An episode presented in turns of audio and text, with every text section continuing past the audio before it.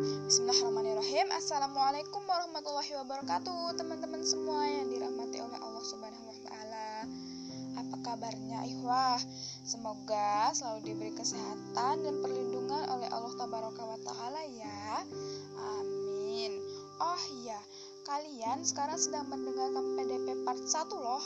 Hmm, PDP maksudnya bukan pasien dalam pengawasan ya ihwah tapi podcast di masa pandemi. Gimana? Kece nggak nih nah prokjanya? Ya kece dong. Ya kali enggak. Jadi ini adalah podcast perdana dari Meko ID UKM Ibru FTK. Dan pada kesempatan kali ini, Alia akan berbicara tentang haid nggak bisa sholat dan baca Quran. Jangan galau. Jadi, tahu kan ya ini dikhususkan untuk siapa? Ya, untuk ahwat dong. Untuk para ehwan yang sedang mendengarkan, di-enjoyin aja ya. Oke? Jadi, teman-teman, jangan galau, jangan risau, don't worry gitu. Kalau kita sedang haid, lalu nggak bisa baca Quran, sholat, apalagi berpuasa di bulan suci Ramadan ini. Kenapa? karena kita tetap mendapat pahala loh walau nggak mengerjakan. Loh kok bisa? Ya iyalah. Karena kabar baiknya nih dengerin.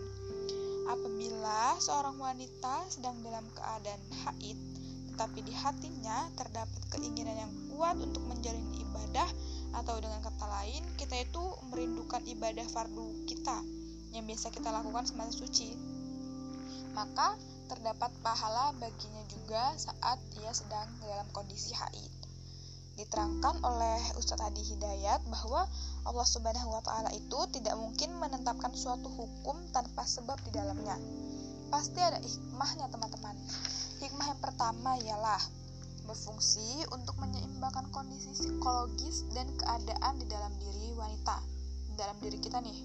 Lalu yang paling dahsyatnya ketika perempuan sedang dalam keadaan haidnya, maka pahala-pahala yang dikerjakan dalam keadaan sucinya tetap diberikan kepadanya secara sempurna. Begitulah uh, Ustadz Adi Hidayat menerangkannya. Jadi teman-teman, amalan fardu dan sunnah yang kita kerjakan semasa kita suci akan diberikan pula kepada kita pahala dengan jumlah yang sama ketika kita dalam kondisi haid.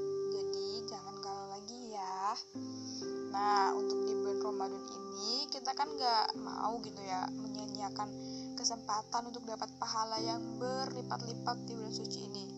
Maka dari itu saat kita sedang tidak bisa sholat, baca Quran, apalagi puasa, kita kan bisa mengerjakan amalan yang lain, berzikir misalnya.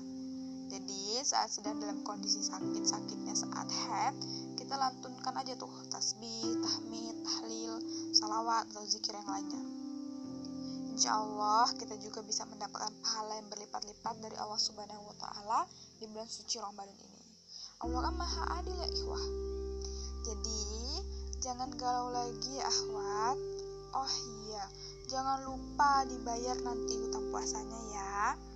Oke, closing statement dari Alia, jangan jadikan haid sumber dari kemalasan, tetapi jadikan kondisi sakit pada haid menjadi ladang pahala untuk kita walau sedang dalam keadaan tidak suci.